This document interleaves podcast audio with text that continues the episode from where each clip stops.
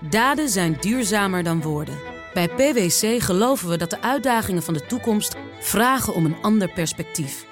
Door deze uitdagingen van alle kanten te bekijken, komen we samen tot duurzame oplossingen. Zo zetten we duurzaamheidsambities om in acties die ertoe doen. Ga naar pwc.nl. Het is officieel. Boris Johnson is de nieuwe premier van het Verenigd Koninkrijk. Hoewel, dan lopen we één dag op de feiten vooruit. Hij is nu nog vooral de nieuwe leider van de conservatieve partij. Maar Theresa May biedt morgen haar ontslag aan. Hoeveel schrik jaagt dat beleggers aan, die leiderschapswissel? Vandaag het beleggerspanel met Roel Barnhorn, obligatiespecialist bij ABN AMRO. Reiner Wietsma, portfolio manager bij IBS Capital Management. En Janneke Willemsen, RTL Z beurscommentator. En ook bekend van de website Blondjes Beleggen Beter. Voor je debuut in dit panel, fijn dat je er bent. Dankjewel. Ook fijn dat jullie er zijn, zeg ik ook nog een keer tegen mijn zakenpartner van vandaag. Monique Ansink, wij beginnen uh, traditiegetrouw, of het nou een leiderschapswissel is in het Verenigd Koninkrijk of niet, met jullie laatste transactie. Janneke, jij mag aftrappen. Ja, mijn laatste transactie is een beetje een saaie. Ik heb namelijk één aandeel Shell gekocht. Zo. En, uh, ja, waarom is dat? Ik heb ingesteld dat als een bedrijf dividend uitkeert, dat het automatisch herbelegd wordt. En uh, Shell, voor de mensen die uh, niet zo thuis zijn op de beurs, dat is eigenlijk een zekerheidje. Is een fijn aandeel, toch? Nou ja, een zekerheidje. Het wordt wel de hoeksteen van de portefeuille genoemd. Verhoogt uh, of handhaaft al jarenlang dividend. De koers doet vaak niet zoveel, maar daarom willen vaak veel mensen dat hebben in de portefeuille. Ja. Wat was jouw laatste transactie, Roel? Uh, de transactie van ABN is, uh, we zijn meer defensiever geworden. Uh, we zijn nu onderwogen in aandelen, 5%. Dat is voor het eerst sinds 2011 omdat we zien dat de verwachtingen voor. We zijn nu bezig met, met de cijfers. Dat de, de beurzen vrij hoog waren. in relatieve terms natuurlijk. Dus dat er heel veel geanticipeerd was. We hebben natuurlijk steeds de handelsoorlog tussen Amerika en China. Die er boven, de markt hangt. Wat maar doorzeurt. We moeten maar kijken of daar nog een klap op gegeven wordt. En ook dat de markt veel meer ingeprijsd heeft. door de renteverlaging. Eigenlijk de race naar beneden van lage rentes van centrale banken. En we wilden wat reflectie hebben, ook naar het reactie eind 2018, dat de markt in één keer onderuit ging. Kerst, kerstavond. Kerstavond. Uh, dus wat voorzichtiger zijn we geworden. Ja. Dus, uh, maar er is toch eigenlijk al heel lang reden om wat voorzichtiger te worden. Wat is dan de reden om dat nu te effectueren? Omdat de markt door blijft rollen. zeker de laatste, laatste weken. je ziet dat analisten toch wel de, de, voorzichtiger zijn met de winstverwachtingen. Die worden al een aantal keren teruggeroepen. als je nu zegt van wat weet je nu meer dan een week geleden, zien we dat het eigenlijk allemaal wel meevalt. Maar dan hebben we het misschien later over. Maar het is gewoon een zekerheidje en even tevreden zijn met wat je op dit moment uh, performed hebt. En uh, we parkeren het op dit moment even in cash. We houden het in cash aan, omdat we verwachten de komende drie, zes maanden nog wat, wat opportunities zien in de markt. Omdat ook de rente vrij laag is. 60% van de obligatiemarkt is minder dan een half procent of zelfs negatief. Ja. Dus het is geen alternatief voor onze beleggers die bij ons beleggen. Logische stap, dit? Nou ja, kijk, Weet je, het is heel lastig, want uh, ik ben wat dat betreft een typische particuliere belegger. Ik blijf optimistisch en ik blijf ook vol in de markt zitten met het geld dat ik daarvoor bestemd heb. En tot nu toe zien we dat die markten steeds maar blijven klimmen. Dus ja, ik, ik blijf toch het liefst gewoon uh, in aandelen beleggen. We hebben het zo meteen over die kloof die er soms is tussen particuliere beleggers en de wat uh, professionelere partijen aan het einde van dit panel. Maar we zijn nu pas aan het begin. Reinder, wat was jouw laatste transactie? Um, nou, onze laatste transactie die hebben we echt net gedaan was een aankoop van Bank of America. Um, de Amerikaanse bankensector is uh, nou, misschien nog net iets minder onpopulair dan de Europese. Um, nou, de banken hebben al uh, financiële nummers gerapporteerd voor het afgelopen half jaar. Um, je ziet dat daar heel weinig ja, van verwacht wordt. De waarderingsmultiples van de bankensector als geheel zijn ook extreem laag. Uh, maar ze hebben nu van de Federal Reserve eigenlijk toestemming gehad om veel meer kapitaal weer terug te gaan geven aan aandeelhouders. Uh, vorig jaar hebben ze Bank of America in dit geval, maar het geldt voor meer grote banken, uh, bijna 7% van zijn aandelen teruggekocht. En voor dit jaar verwachten ze meer dan 10 te doen. Um, er zit eigenlijk heel weinig ja, positiviteit in die bankaandelen geprijsd. Uh, en wij hebben gezegd van nou, als we zoveel geld gaan terugkrijgen, ons nog extra dividend en eventueel een klein beetje groei, dan wordt het voor onze nou ja, value uh, aanpak wel eens een uh, ja, interessant bedrijf om op te nemen. Ja. En ja, banken zijn absoluut ook in Amerika niet, niet per se geliefd. We gaan het hebben over, ik weet niet of hij geliefd is of niet, maar de nieuwe leider van de conservatieve partij, dat is namelijk uh, Boris Johnson. Ja, we zijn ook al drie jaar bezig inmiddels bijna met die, met die Brexit. Daar komt een keer een einde aan, 31 oktober. Uh, en hij heeft het uh, nog een keertje benadrukt in zijn eerste speech. Hij gaat er komen, deal of no deal. Brexit zal een feit zijn. Roel, ook de uitslag van deze verkiezing is geen verrassing.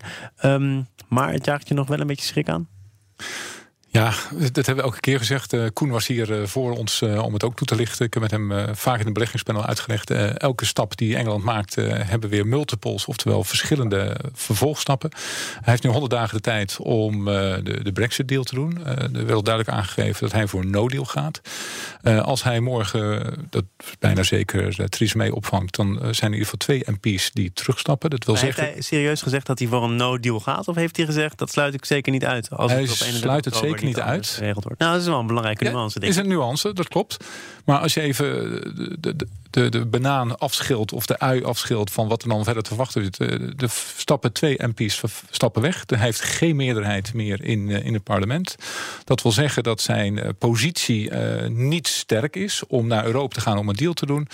En er wordt zelfs gesproken, misschien moet hij eerst verkiezingen houden. Maar dan heb je de honderd dagen tijd om die Brexit-deal akkoord, deal of no deal met Europa te doen. Dus de tijd spant erom, vrij kort. Dus daarom denk, gaat iedereen vanuit van no deal. Dus daarom is er hier en daar wat scepticisme over de Engelse economie en over andere uh, groeisectoren vanuit Engeland en de exporteurs. Ja, vanuit beleggersperspectief. Uh, wat kunnen jullie voor het MKB eh, adviseren? Ik ben zelf, wij exporteren ook naar Engeland, dat is ons tweede exportland. we zien winkels sluiten, we zien de economie afkoelen. We zien, ze hebben last ook van de online natuurlijk. Dus sowieso van alle kanten drukt daar de economie op. We hebben van diverse retailers al brieven gehad dat ze de betalingstermijn willen verlengen en korting willen hebben, want ze kopen te duur in. Wat raden jullie uh, de Nederlandse exporteurs aan uh, vanuit jullie perspectief uh, gezien? Ik zie Reinder, jij wil het om, antwoord graag om nou, hierop ik, te ik probeer, probeer er goed over na te denken. Maar ik denk net als voor beleggers dat, het eigenlijk, dat er te veel mogelijke scenario's zijn. En dat het gewoon verschrikkelijk lastig is om het juiste te doen. Want je wordt geconfronteerd met een hoop onzekerheid. Um, nou, dus een, het zou eerst twee jaar duren, de brexit. Het blijkt uiteindelijk al drie jaar te worden. Uh, misschien dat Boris Johnson binnenkort alweer mag aftreden. Uh, we weten het gewoon allemaal niet. Um, dus ja, het is een ontzettend lastige beslissing. En als aandelenbelegger heb je het in zoverre een stuk makkelijker. Um, ik bedoel, ja, als je, die belegging doe je met een veel langere horizon. Ja. En uh, ja, als je een is, mooie... is het eigenlijk vooral verstandig om nu even niks te doen? Nou ja, die, die, er is geen noodzaak om in ieder geval op de beurs om ergens de held uit te hangen. Um, want ja, weet je, iedereen weet dat het er komt. Uh, nou, er wordt al gezegd, de brexit is zeker. Um, ik, ik weet dat niet.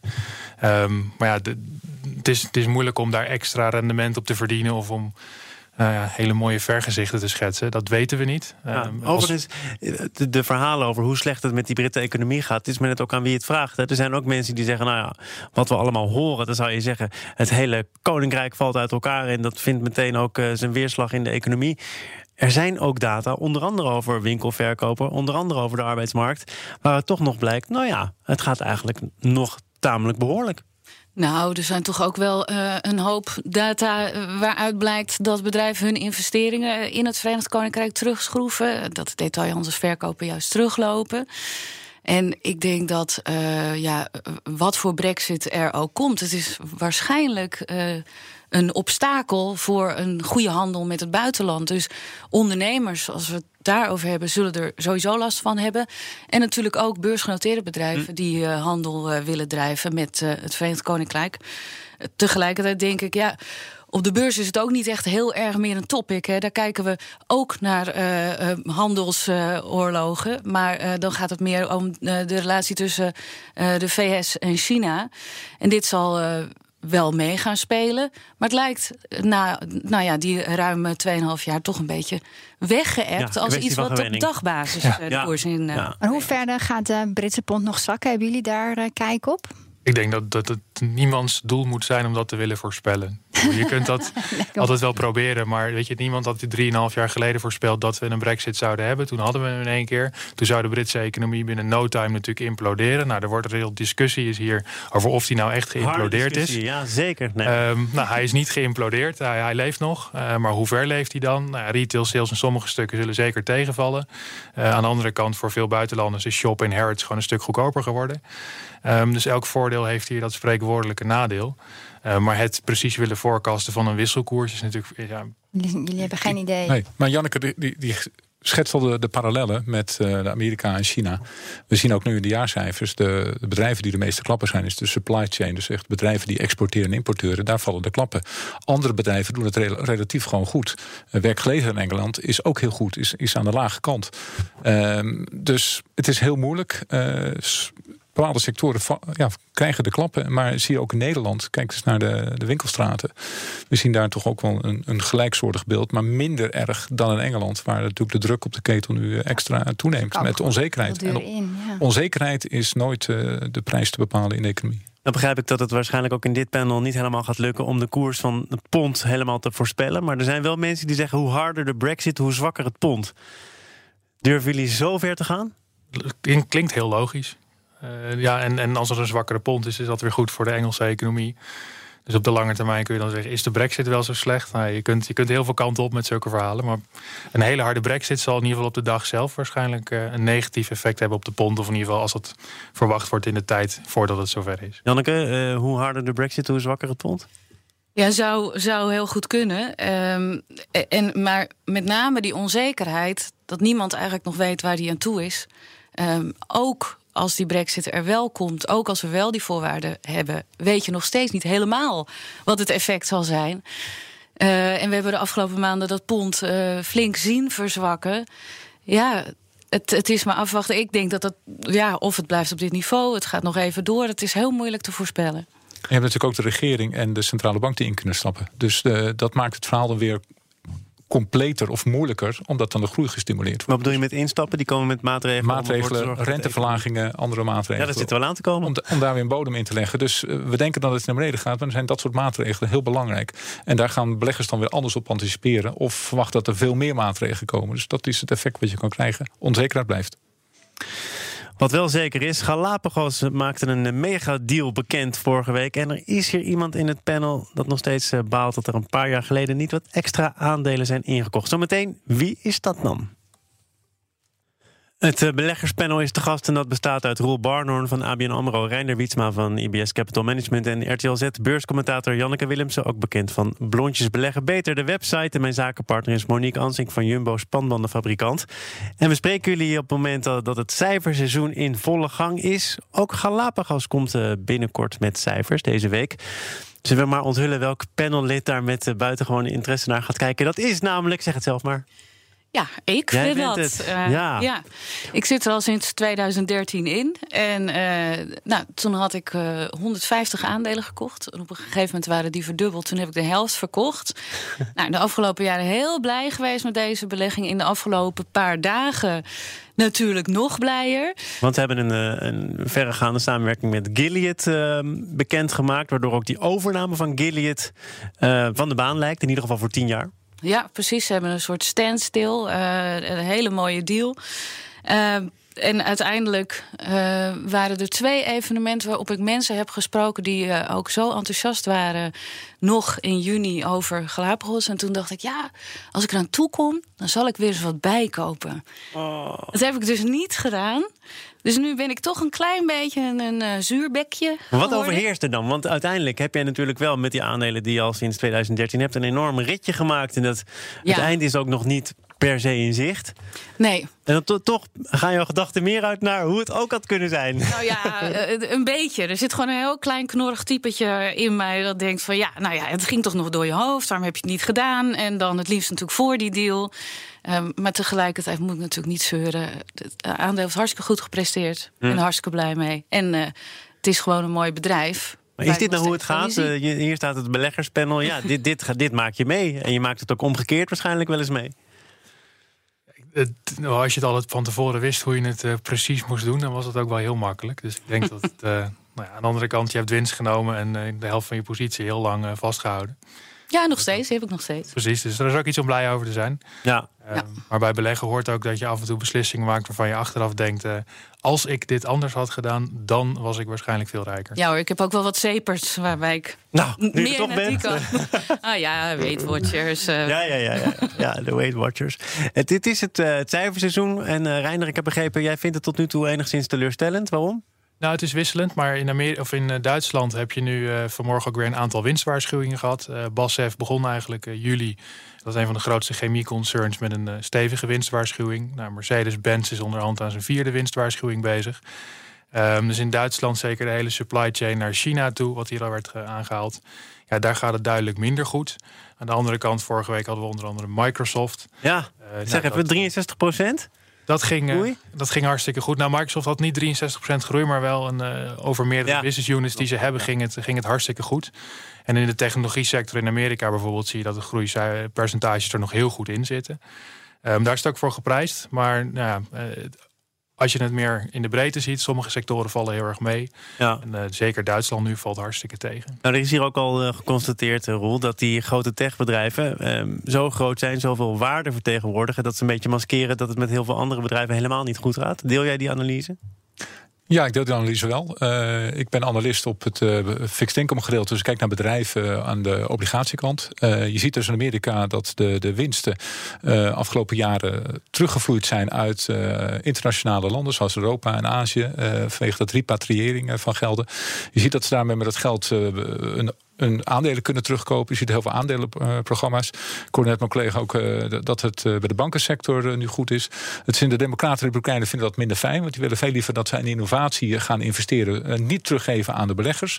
Dus dat is altijd die, die, die tegenstrijdigheid van wat, wat politiek wil en wat de belegger wil. Je probeert natuurlijk de aandelenkoersen te ondersteunen. En ik kijk dan als bedrijfsspecialist dan naar hoe zijn de ratio's, financiële ratio's. Hoe zijn de, de winsten ten opzichte van de kosten. Want de kosten kunnen wel gelijk blijven. Maar als de rente naar beneden gaat, ja. wil zeggen als de kosten gelijk blijven met opzichte rentebetalingen, dat de schulden toenemen. En je ziet dus een trend binnen obligaties dat uh, de bedrijven die de kwaliteit hadden van single A, je begint met triple A, AA, single A, ja.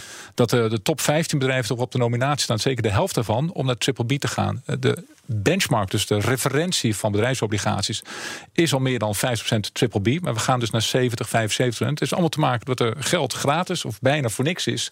En die bedrijven niet meer de druk voelen om te deleveragen, oftewel hun balans op een normale manier, eh, wat een normale manier, dat je actieve en positieve cashflow kan genereren. En dat is een probleem. Dat is een uitdaging. Ik heb nog een vraag, want ik hoor je net zeggen van ja, er is een eh, discrepantie tussen uh, investeren zeg maar, in technologie en winst. Hè, wat je net opnoemde, dat daar een uh, verschil, belangenverschil in is tussen politiek en de beleggers.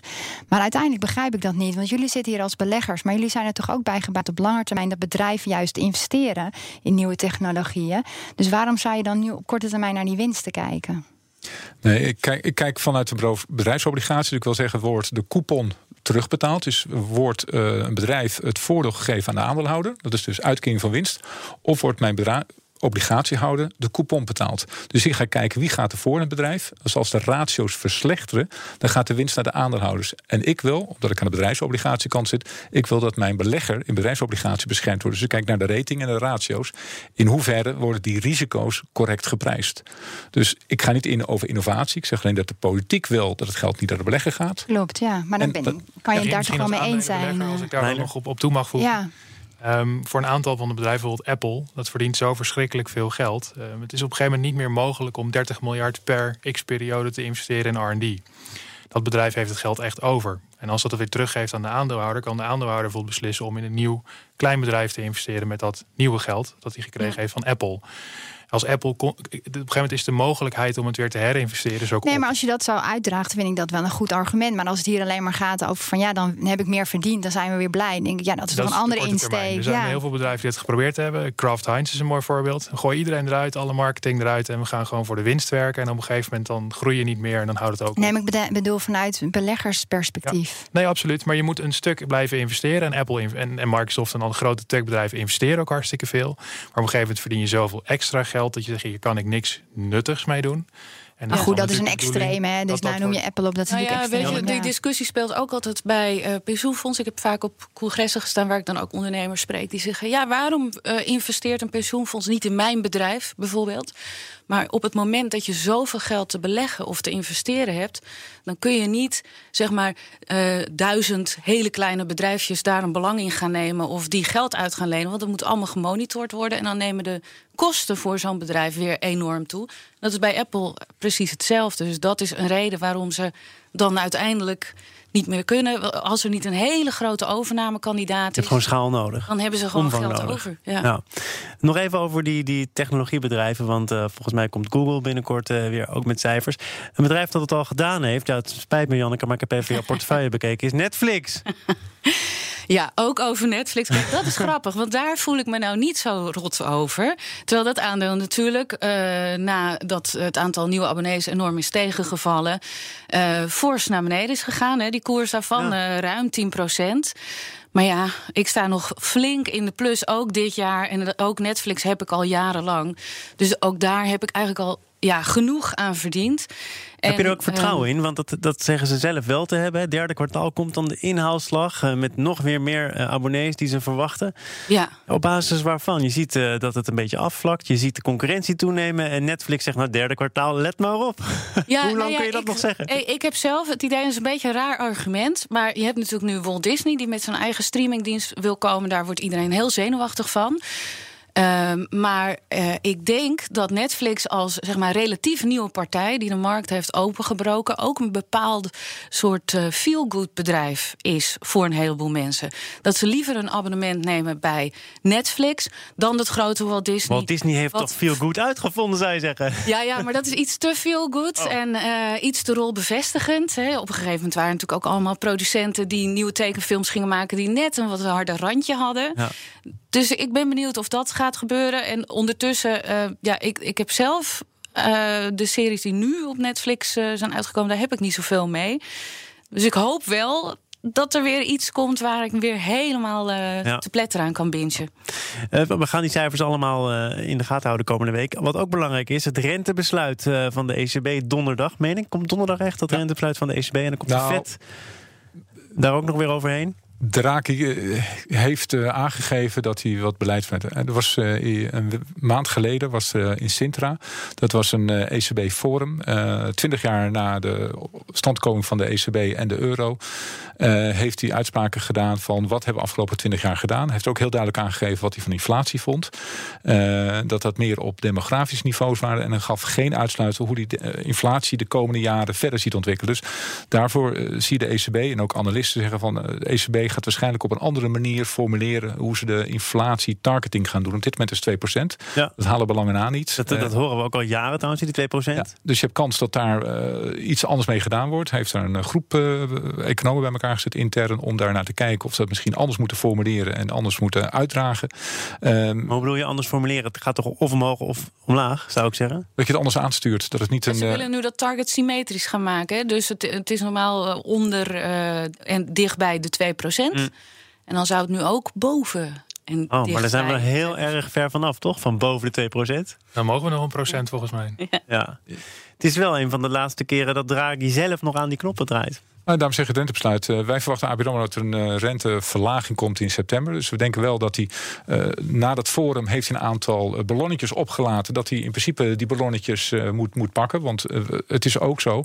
Op dit moment zitten met centrale banken die onafhankelijk eigenlijk moeten zijn. Maar op dit moment zit er heel veel politiek gewicht op de centrale bank. we hebben natuurlijk Trump die natuurlijk de, de, de Federal Reserve onder druk zet. We hebben de politiek die de Bank of Japan onder druk zet. En we hebben nu ook in Europa een vervanger voor Draghi. Uh, wat uit een politieke hoed komt. En ook hoe die hele selectieprocedure is. Daarnaast moeten ze dus ook, de centrale bank, een andere rol. Hetgene wat ze indiceren, dat moeten ze ook in principe gaan leveren. Dus het is nu de verwachtingen. En we hebben al vorige week gekeken dat de Fed, de markt had de Fed ingeprijsd verschillende renteverlagingen. En het hebben ze teruggeschraapt omdat de Federal Reserve gegeven, dit gaat mij te ver. Dus de race naar beneden toe kan misschien best wel beperkt worden. Maar hij vindt wel deze week al voor een deel plaats. Roel Barnhorn van ABN AMRO, Reinder Wietsma van eh, IBS Capital Management... en Janneke Willemsen voor haar debuut in het beleggerspanel. Dank voor jullie komst. Uh, Monique, jou ook bedankt. Tot uh, snel. Daden zijn duurzamer dan woorden.